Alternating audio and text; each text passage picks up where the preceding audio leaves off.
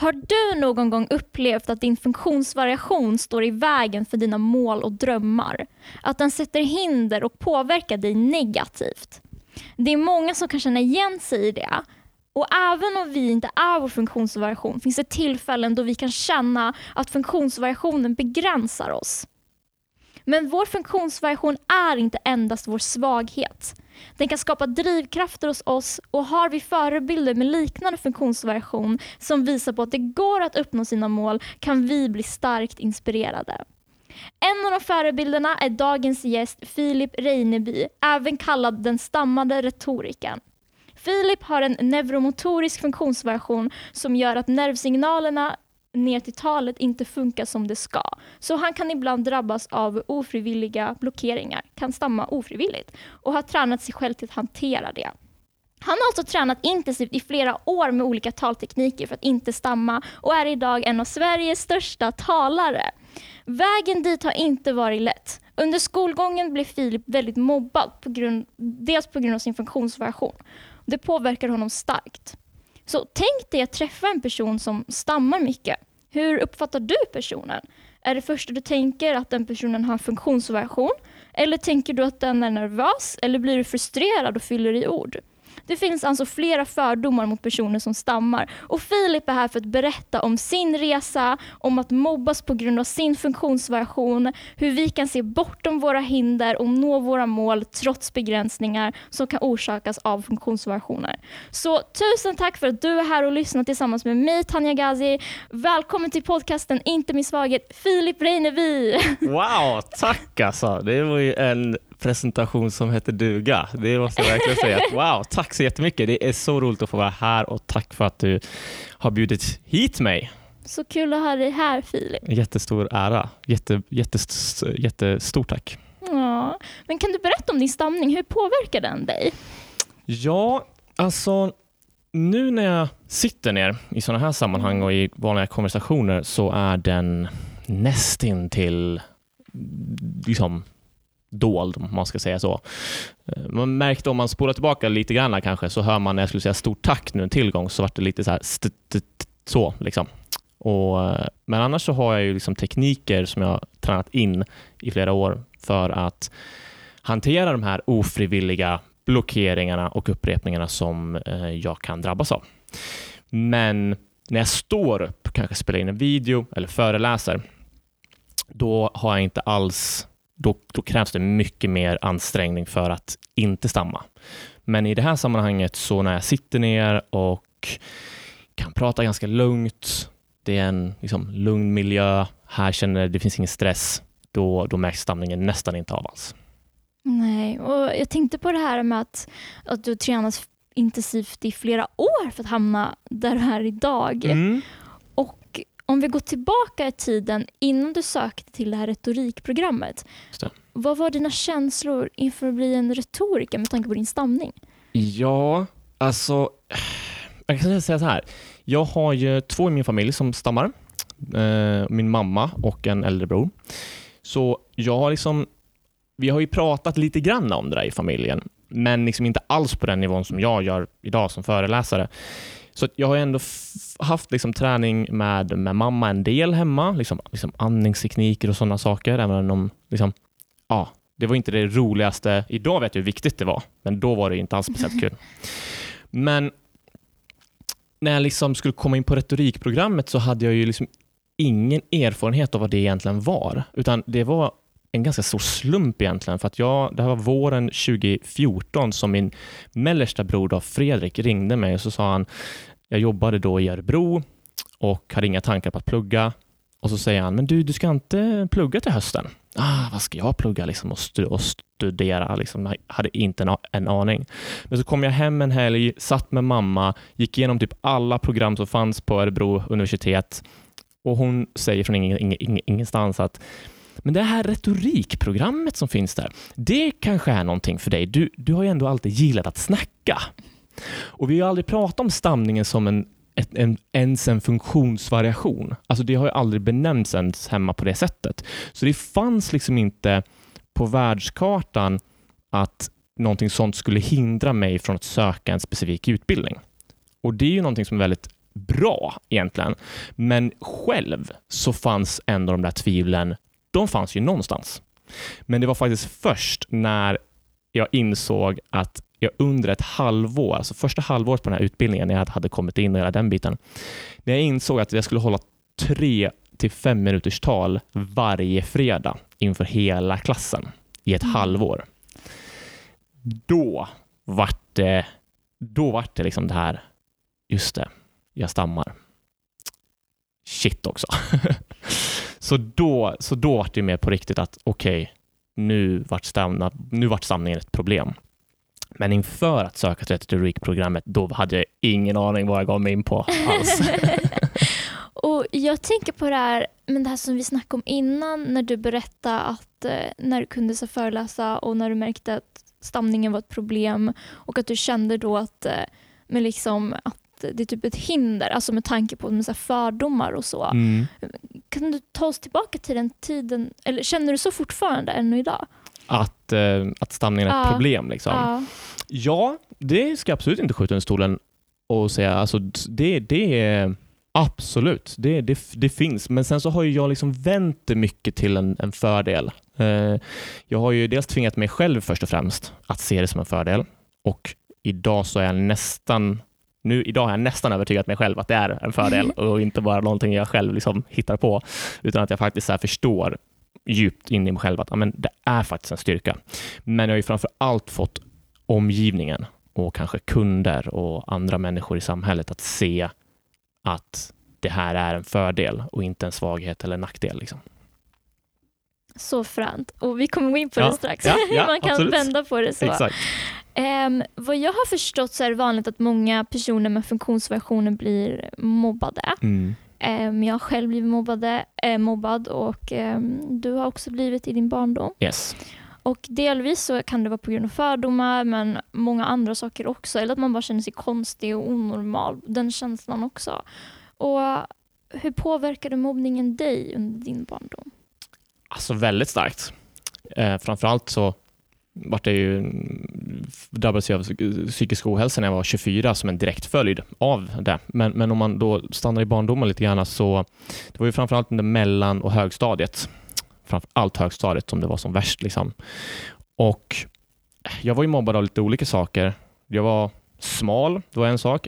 Eh, stamningen, naturligtvis en sån sak. Jag menar folk, det är väldigt svårt att ge svar på tal när man inte får fram orden. Och om man står då i en situation och försöker stå upp för sig själv mot någon som mobbar en och du inte får fram ett ord, så spär ju det bara på. Det ger ju bara dem mer energi att håna en och förnedra en och liksom stå liksom härma ens blockeringar. Och, amen, så, och jag hade folk på MSN på den tiden eh, som skrev, kunde skriva till, till mig och då kunde de skriva så här eh, eh, ja, eh, de kunde skriva, jag kallades då för Reine. Eh, jag heter ju Reineby så det var någon slags förkortning. Jag vet inte riktigt varför, men idag kallas jag inte det. Men då kunde de också skriva liksom så här, Re- Re- Re- Re- Reineby, så här Nej. flera R och sen som mitt namn liksom, till mig på MSN. Inget hej eller någonting sånt, det var ju bara menat för att liksom sänka och förnedra. Och, taskigt. Ja, men precis. precis. Och, ehm, så det påverkade mig väldigt mycket. Mådde ju jättedåligt under, eh, liksom, ja, men, det var framförallt högstadiet naturligtvis. Eh, hamnade liksom på, men gick till BUP, liksom, bland annat för de här, pro, de här pro, pro, problemen. Men till slut då, innan gymnasiet så eh, satte väl mina föräldrar liksom ner foten och sa att nu räcker det. Så att, eh, med deras hjälp så tog mobbningen i princip helt slut. Så på gymnasiet så var det liksom då jag kunde ja, men egentligen börja skaffa kompisar och leva ett bra liv eh, fri från mobbningen. Mm. Vad fint att dina föräldrar har funnits där för dig. Ja, gud ja. Jo, men verkligen. Och eftersom mamma alltid, mamma har också varit en person som stammat, även om hon har en, kanske en annan relation till stamning, så, så, så har jag också hennes liksom, stöttning. Jag menar, vi har ju till och med kört så telefonträning liksom, Ja. eh, för att liksom, ja, men hur jag ska svara i telefon och sådana saker för att inte stamma eller för att jag ska känna mig bekväm. Liksom, och så där. så att, eh, nej, men de, de har ju varit bäst. Liksom. Mm, vad fint. Verkligen. Och det, är, det är så jobbigt när man så väl är i det, när man blir sådär mobbad typ. Och sen så när man bara kommer ur det även om man inte får en direkt konsekvens där och då, men det kommer ju senare så som Ja, det hände dig. ja gud ja. Jo, men det var sån chock på något sätt. Alltså jag, jag har mått dåligt tre gånger i mitt liv, alltså på verkligt jobbet. Och då var det, liksom, det var under högstadiet, igen när jag var 19 och det var för att eh, ja, men jag och mitt ex gjorde slut. Eh, hade aldrig kunnat han, han, liksom, jag kunde inte hantera det. Liksom. Breakups är Ja, men hemskt. precis, och det, det kan ju drabba vem, vem, vem som, som helst. Men sen så när jag återigen var då Mm. eh, 24, då, eh, då vart jag ju, eh, det var ju väldigt speciellt. Jag, jag, jag drabbades av någonting som heter tvångstankar och det är Mm. ju liksom att man, man har tankar som, som är obehagliga. Alla människor kan liksom få sådana ta, tank, tan- tankar. Men skillnaden är att om, om du har till exempel blivit utsatt för något form av trauma, alltså det kan vara mobbning, det kan vara, ja, har du varit ute i krig och kommit hem så kan det vara ett, ett trauma. Då, då utsätts hjärnan för stress och eh, bryts ner. Och då ökar då risken för psykisk ohälsa och det jag drabbas av då, det var tvångstankar, vilket gör att obehagliga tankar inte försvinner. På vanliga, får man säga, friska människor inom citattecken, de, de har alltså ett, ett, ett skydd, mentalt skydd i hjärnan som, som blockerar jobbiga tankar, vilket gör att du kan liksom inte hamna i en depression. Du kan inte Mm. hamna i att snurra in dig på dåliga tankar. Men för mig, då, på grund av mobbningen, så hade det här skyddet brutits ner, vilket gjorde att jobbiga tankar var, var där 24-7. Det var där när jag vak- vaknade, där när jag gick och gick och la mig och det som först kanske en obehaglig tanke, det vart, det vart liksom någonting som, som, som blev hela min vardag. Om man inte får bort det, ja, men då, då blir du till slut psykiskt eh, sjuk. Liksom. Det, det blir bara, bara, bara så. Men så det var ju en konsekvens som kom mer än tio år senare efter att mobbningen hade tagit slut. Så det, det var en chock när jag förstod liksom att den där mobbningen, den tog liksom inte slut. Den är fortfarande en del av mig. Och det, det var väldigt liksom omvälvande för mig att förstå att den där tiden som jag trodde var över sedan många år tillbaka, den lever fortfarande väldigt mycket i mig och påverkade mig än idag på ett sätt som jag inte alls hade förväntat mig. Och det gjorde ju liksom väldigt att jag förstod hur farligt mobb- mobbning är och ja, det var faktiskt en av anledningarna till att jag började liksom prata mycket också om mobbning i mitt arbete som föreläsare, förutom allt annat jag gör. Liksom. Alltså shit det här med tankar, Mm. hur det kan påverka en så mycket. Ja. Och jag tänker på unga som har blivit mobbade Mm. i sin skolgång, som typ kan känna sig utanför och som har blivit mobbade mest på grund av sin fun- funktionsvariation. Vad skulle du vilja säga till dessa unga? Oj, ja. Alltså. Det, det, det här, jag vet själv liksom att man vill ju inspirera och ge liksom verkligen liksom kraft till människor som mår dåligt och har det liksom som mobbas. Men jag tycker också det är viktigt att, alltså att man är helt ärlig. Så det finns det två saker jag skulle vilja säga. Det första är att det kommer bli bättre. Det gör det. Alltså när jag var 14-15, då kommer jag ihåg att när det var som värst, då var det som att jag önskade att, tänk om man bara kan spola fram tiden tio år, så att jag slipper liksom det här. Då måste det här vara över, då måste jag ha ett bättre liv. Så tänkte jag. liksom. Så jag vet att efter, ja, mitt liv blev väldigt bra. Så att det blir bättre. Men nummer två, det är att om man är i det nu, under skolgången, så måste man, man måste själv jobba för att det ska bli bättre. Och Man måste själv, om man inte får hjälp från liksom, lärare eller skolan eller sådär, att stoppa mobbningen, då måste man ta tag i det själv. Man måste orka det. Och, och det, är liksom, det är en sån här liksom, ja, men ett, ett, ett, ett, ett råd som kan låta liksom lite tufft och orättvist, för att man ska inte mobbas, man ska inte behöva liksom lösa det, det själv.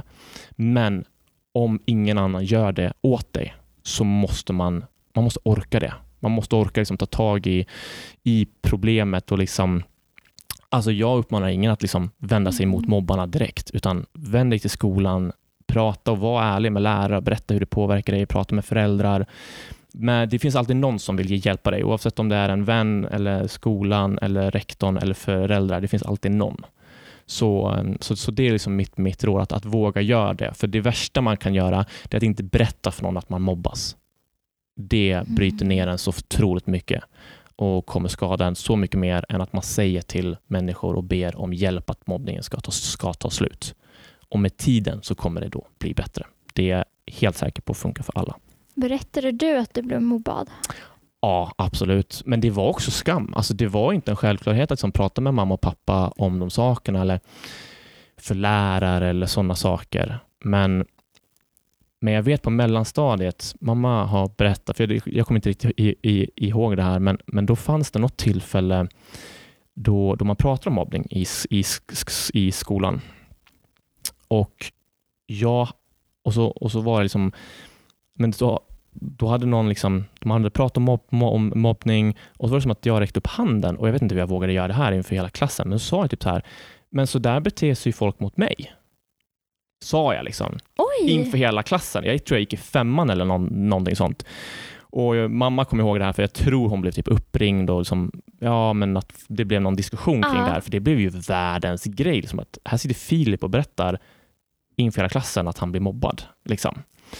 Men jag förstår inte i efterhand hur jag vågade göra någonting sånt. Liksom. Men, men de har ju alltid vetat om det. Eh, och eh, ja, men, de är 90 procent av anledningen till att det till slut tog slut.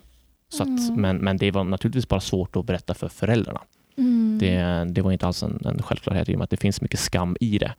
Men man får liksom inte låta skammen vinna över en för att den är också en del av mobbningen. Att man, mobbarna bryter ner dig så att du ska skämmas och hålla tyst om det.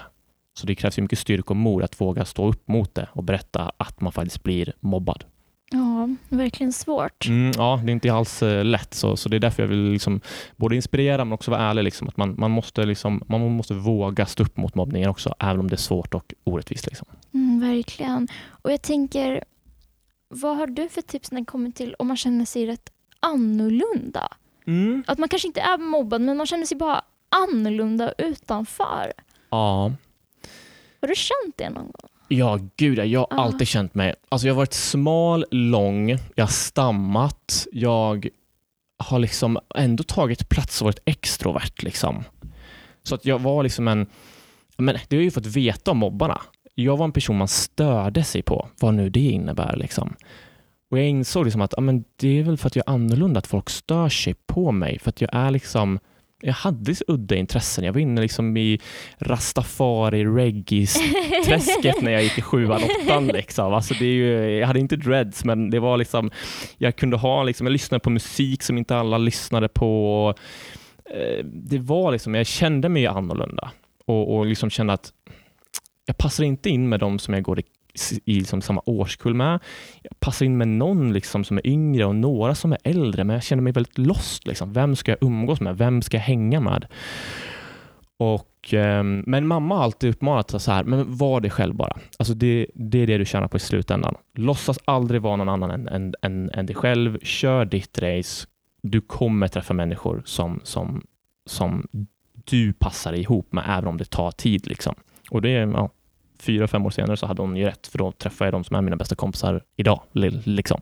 Eh, och de är Ja, men inte lika konstiga som mig eller vad man ska säga, men, men det är liksom, eh, de, de klickar jag ju med. Och det är ju för att jag aldrig har ändrat mig själv. Jag har alltid varit Nej. mig, mig själv. Liksom. Så att, Var det efter gymnasiet eller under? Ja, faktiskt efter. Mm. Eh, alltså, jag var inte mobbad i gymnasiet, men jag hade ändå svårt att få kompisar. Det var ändå... Ja, jag, jag, jag träffade aldrig liksom de som är verkligen... Liksom, jag mådde bra till stor del, men jag fick aldrig de här liksom kompisarna. Det var efter gymnasiet som jag träffade de som jag är liksom, ja, men, kompis med idag. Vi är, ett, eh, vi är ett gäng som alltid umgås och hänger. Liksom, och, ja, men, eh, ja, men vi, vi är liksom ett, ett, ett jättebra gäng eh, kompisar. Liksom. Men, men det var de som jag träffade efter gymnasiet. Okej, jag förstår.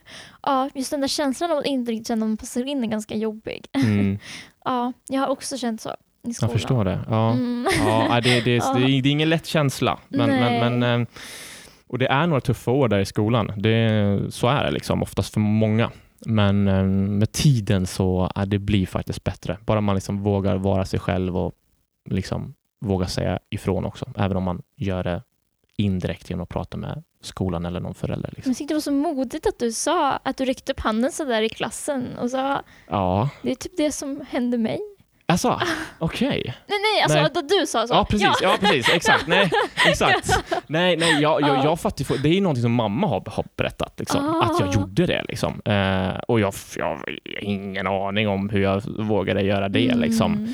Men ja, nej, jag, jag gjorde det och det var väl då det liksom började nystas upp hur jag hade det. Och sen så, så, eh, så eh, det var ju så mamma och pappa liksom, tror jag fick reda på det. Kan ha fått veta det innan, men det är ett där minne jag har att de har berättat att jag gjorde det. Jag, var jag kan fortfarande vara sådär, "Va, hur vågar jag göra det? Liksom? Jag, jag, jag vet inte om jag förstod vad det innebar att säga det egentligen, men ja, det var väl modigt på sitt sätt. Okej. Och jag tänker en annan sak jag tänker på är att det finns många personer, vad jag har märkt, Mm. em, som tror att det ligger hos personen med funktionsvariation att se positivt eller negativt på sig Just själv. det, just det. Till exempel, ja men jag har hört saker som, ja man är inte sin diagnos. Ah, Eller sådana här kommentarer som, "Men gud hon tycker så synd om sig själv, hon är sin ADHD. Alltså sådana där Ah, till exempel. exakt. Och vad jag har förstått så tycker du att eh, människors synsätt och reaktioner är det som kan avgöra om personer ser sin funktionsvariation som ett hinder eller inte. Ja, absolut. Eller? Ja, ja, gud ja, absolut. Nej, det har du helt rätt i. Nej, jag, jag, jag, jag kan bli lite irriterad också på att så här, ja men du är inte din diagnos eller någonting sånt där. Liksom. ja. alltså det, det, för, för det är ju det att, ja, men om man tänker på det så här, om, om man har ett R i ansiktet som syns väldigt tydligt Mm. och så går du igenom ett helt liv och ingen säger någonting negativt om ditt R. Då kommer du omöjligtvis kunna ha något issues med att du har ett R i, ans- i ditt ansikte. Du kanske jämför dig med någon annan, men om du till exempel skulle då säga så här, men vad tycker du om mitt R? Nej, men det är inget fel med ditt R. Och ingen av alla tusentals människor du träffar i ditt liv, om ingen skulle säga något negativt om ditt R, då är det nog, tycker jag, jag är helt övertygad om, då är det omöjligt att se det som någonting negativt. Så att hur, hur vi liksom reagerar och behandlar människor som har olika funktionsvariationer är ju en stor nyckel till hur människor som har funktionsvariationer ser på sig, ser på sig, på sig själv. Och, och Det är därför liksom mobbning är så förödande, för att det kan, kan påverka en människas självkänsla och självförtroende så otroligt mycket. Men, men det är ju också det liksom att vi inspireras ju också väldigt mycket av personer som kanske sitter i en rullstol men bestiger ett berg. Men den personen hade ju sett det som världens självklaraste grej om alla bara hade sagt att men vadå, det är klart du kan bestiga ett berg. Mm. Men, men i och med att alla är så, så här, men ska du som sitter i rullstol göra den här saken? Det kan du ju inte göra. Då måste personen motbevisa dem. Mm. Men tänk om ingen hade sagt liksom, till en person som sitter i rullstol att ja, men du kan ju inte göra det där. Utan om alla bara hade sagt att ja, men det är klart du kan göra det där. Du kan göra vad som helst. Då hade personen bara ja, det är klart. Jag har inget problem. Så att vi påverkas otroligt mycket av liksom fördomar och vad människor säger till oss om våra funktionsvariationer. Så att hade aldrig någon sagt någonting negativt om min stamning någonsin, då hade jag aldrig sett det som en, en, en, en svaghet. Mm. Det är jag övertygad om. Det är så sjukt Mm. hur starkt påverkad man kan bli av fördomar och så. Mm. Jag tänker till exempel på när jag berättar om min autism första gången Mm. till personer. Då är ibland det första jag får höra, va? Du som är så social? Och då är man så här, mm. då det, för jag, jag provade faktiskt en gång, så var jag på stan för jag ville kolla folks fördomar om olika diagnoser. Coolt. Eh, bara för att kolla lite vad är det Så då så sa jag till en tjej, eh, en kvinna då, som gick förbi, bara hej, vad är det första du tänker på när du hör autism? Och hon bara, ah, det måste vara en fruktansvärd sjukdom. Åh, vad jobbigt, vad lidande. Och jag bara, mm, jag har autism. och hon bara, va? det var modigt, vad coolt.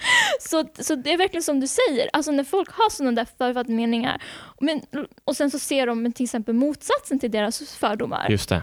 Och blir så här, va? Är det sant? Och då kanske tycker det är någonting coolt eller Mm. sådär. Men det är ändå så här äh, att man ens måste bevisa det. Exakt. Så att inte ens funktionsvariation bara är en svaghet. Precis, pre- precis. Nej, jag håller helt med. Vi börjar ju, många som är funktionsvariationer, de börjar ju liksom livet med att se sin funktionsvariation som någonting då, då, dåligt. Så att om människor istället bara pushar och uppmuntrar och är positiv, alltså då, då, då, kommer man, då kommer man inte kunna se sin eh, funktionsvariation som någonting dåligt. Så jag tror och tycker att det ligger väldigt mycket i hur andra människor liksom behandlar och har fördomar. Det, det är väldigt viktigt att, att människor i samhället förstår det, för det avgör så mycket hur personen kommer att se på sig själv, för att vi påverkas så mycket av vad andra säger och hur andra behandlar oss. Mm, mm verkligen. Och Vad är dina bästa råd för hur vi kan hantera olika fördomar? Som, som personer med funktionsvariationer, Ja. tänker du? Mm. Ja. Alltså, det bästa, det, alltså det, det viktigaste, det är väl... Och det, jag har ju en ganska dold funktionsvariation som jag dels kan hantera. Så den syns ju inte alltid. Och det kan jag tänka mig att det är lite samma sak med dig också. Mm. Så det är skillnad om man sitter i en rullstol till exempel. Då, då kanske man inte kan liksom bemöta, då får du ju fördomar bara för att folk ser dig. Men det viktigaste är liksom inte dölja att man har det man har. Att man har ADHD eller eh, autism eller man, man stammar eller är, är blind eller någonting sånt där. Utan att man faktiskt vågar stå för det. Att man till exempel ja, men, kan skriva det i en jobbansökan. Att man, att man alltid liksom kan inkludera det som en del av sin personlighet. För att det är, lätt, det, det är lättare att, det är bättre att, att förbereda folk på, på, på vem du är som person än att människor ska behöva motarbeta sina egna fördomar. För att det, det gynnar oss, tror jag, mer att, att kunna säga ah, men jag heter Filip, jag stammar, jag är 28 år gammal. Som att det bara är en del av oss, som att det är en naturlig del. För det tror jag gynnar oss mer på det sättet att människor kommer se det som en personlig del av oss istället för någonting som är som de kanske ser det som negativt. För är vi okej med det, är vi okej med att vi är som vi är, då kommer människor också med stor sannolikhet också vara okej med att vi är som vi är. Så det, det tror jag är det viktigaste tipset. Mm. Ja, vilket fint tips. Ja. Ja, ja men det, det är liksom... Sen, sen finns det naturligtvis andra saker också man kan tänka på, men jag, jag tror liksom att det är, det är nummer ett. Att, att, att våga se, för jag har aldrig vågat sett stamningen som en naturlig del av mig själv. Jag har alltid tänkt att det är något hemskt som ska bort. Men det är mycket i mitt liv som har förändrats till det positiva. Sen är jag bara så här, jag stammar, det är så det är. Jag har ju till och med börjat stamma mindre ända sedan jag liksom accepterade min stamning. Så att det är ju liksom verkligen en stor nyckel till mycket, att faktiskt bara vara okej med att man är som man är. Mm. ja, verkligen. Jag kommer ihåg typ i början när jag fick min diagnos, då hade jag jättesvårt att acceptera. Mm. Och jag var också väldigt så här, får man berätta, när ska man berätta? Exakt. När ska man, och framförallt i typ dating-sammanhang. Eh, Ja, ja, det kan jag tänka mig. ja, Ja, Då är det wow. så här, ska man första gången, tredje gången? Ja, just det. Och sen kanske det går för lång tid och då blir det konstigt att säga det istället. Det blir så här, Just so you know. ja, just det. Så här. Nu har vi varit ihop ett år. eh, FYI, ehm, jag har den här diagnosen. Nej, jag förstår precis vad du menar. Det är lite lustigt. Jag var på ett, ett, ett, ett så kallat stamningsläger med personer som stammar för många år, år, år sedan. Eller många år sedan, var väl tre, fyra år sedan. Mm. Och, eh, och då var det faktiskt en, en, en sån, vi var där en vecka och så var det en, ett, ett, ett ämne för just en dag, så här med relationer och dating. Ah, okej. Och då kom det upp det här, när ska man berätta att man stammar? Och jag var ju så här direkt bara, alltså om man chattar med en person, säg det direkt liksom. Alltså ha det i din profilbild eller någonting. Bara, bara outa det på en gång liksom. Det, det, det, för, för det blir sån chock tror jag för personen man träffar om man liksom stammar och kan, knappt kan säga mitt, sitt, sitt, sitt namn. Jag tror att personen blir så ställd liksom Mm. att det är bättre att personen är förber förberedd på det. Så att ja, det var mitt tips. Liksom. Ja, men bara skriv det liksom så här. Filip, 28 år, stammar, spelar fotboll. Skriv det så, så, så, så, så. Det var mitt bästa tips. Liksom. Men jag tänkte på, för i en annan podd så nämnde du det här med att många inte tycker det är jobbigt att dejta just, som stammar just på grund av det här med att snubbla på orden. Ja, Mm. Ja, har du ja. känt av det själv att du har upplevt det? Eh, att man är liksom nervös för Mm. det. Liksom. Ja, gud ja. Jo, men det har det varit. Sen, alltså min stamning i relations och datingsammanhang, det var väl framförallt när jag var 14-15. Liksom. Då, då, då tyckte jag det var jobbigt. Men sen träffade jag min första tjej när jag var 16 Mm. och där kommer jag inte riktigt ihåg hur stamningen jag tror hon visste om det, för hon kände liksom, min, våra pappor jobbade på, på samma jobb, så vi, vi, liksom hade, Ah. vi visste lite vilka vi, Mm. vi varandra var. Sådär, liksom. men, men hon typ bara ryckte på axlarna, ja det var väl inget konstigt. Men, och jag tror inte att jag liksom känt mig påverkad i relationer eller i datinglivet av stamningen. Tror jag inte i alla fall. Men det är ju, jag har i och för sig tränat så mycket, alltså ända sedan jag var egentligen 18 så har jag ju tränat väldigt stenhårt på olika sätt. Så jag har ju verkligen i datingsituationer kunnat liksom veta vilka ord ska jag inte säga för att jag kan stamma och hur liksom Mm. Sen om man träffar någon på en, på en klubb eller på en krog, det finns alltid liksom så här om man börjar stamma eller någonting så finns det alltid liksom, du kan alltid så här låtsas att du dricker eller någonting. det, finns, det, finns Ah, alltid sätt, det finns alltid sätt att dölja liksom, stamningen på. Liksom. Eh, vissa mer kreativa än andra. Liksom. Så, så, så, eh, men det, så jag har, all, jag har all, varit nervös för det, men på något sätt har jag alltid lyckats liksom, ducka för det. Att, Mhm. att liksom, men jag har aldrig sagt till någon när jag dejtar liksom att jag stammar. Utan det jag alltid liksom så här, när man kanske gått in i en relation, att det liksom Ah. har kommit fram som en diskussion när man väl är ihop. Ja, men precis. Men, eh, men, eh, men jag tror det att skulle jag stamma mycket, mycket mer och inte alls lärt mig hantera stamningen, Mm. då, eh, då hoppas jag att jag hade tagit mitt råd och bara sätta det i min profilbild. Profil på Tinder. exakt, precis, precis, exakt. Och jag, tänk, jag tänkte på det här som du pratade om, det här med dölja sin funktionsvariation. Mm. För det finns flera som gör det på, på datingappar. Ja. Bland annat till exempel ehm, har jag intervjuat en person som, berättar, som sitter i rullstol som berättat hur vanligt det är med att person sitter i rullstol och döljer att de gör det. ja, just det. Eller ja, men, ja, men till exempel någon med en diagnos som döljer att eh, man inte har den på ett bra tag. Exakt, precis, precis. Kommer undan. och vad skulle du vilja se? Vad tycker du om det, att man döljer sin funktionsvariation? Jag ser inget positivt med att dölja sin funktionsvariation. Alltså jag gör verkligen inte det. Det har liksom bara varit negativt för, för, för, för mig. Och, och det är lite speciellt för jag började inte se min stamning som en funktionsvariation förrän jag var kanske 20. Liksom. Det var ju då man så här började höra liksom, och kom i kontakt med liksom, Svenska stamningsförbundet och så här, det här är faktiskt alltså, en funktionsnedsättning. I min familj hade vi aldrig pratat om att det var en funktionsnedsättning så. Och det är fortfarande än idag att min familj, jag kommer ihåg min, min, min, min sambo, vi är så vana med den och den märks så lite i våra sammanhang. Att för, för oss är det liksom en funktionsvariation är någonting större. Det är någonting mer liksom, gud, du måste liksom ha, sitta i rullstol och vara förlamad för att du ska vara liksom, räknas som funktionsnedsatt. Ungefär så. Och det är ju för att jag upplever att de inte heller är i den världen riktigt. Men i och med att jag har träffat många som har Mm. funktionsvariationer så förstår man liksom att amen, det här är någonting som är på riktigt. Och, och, och, och det är det som jag tycker har varit liksom den, en av de viktigaste förståelserna för mig, att jag har en funktionsvariation. Den, den är på riktigt, den är sann och den har faktiskt påverkat min, min karriär, den har påverkat mitt liv på massa sätt. Så den finns liksom. Det är ingenting som bara uppstått för att jag är nervös. Den finns, den är på riktigt och det har varit viktigt. Men också att kunna vara öppen om den och kunna berätta om den och inte dölja den. Och det är faktiskt så att stamning, det är som du sa i början, det är en neuromotorisk funktionsnedsättning som påverkar nervsignalerna.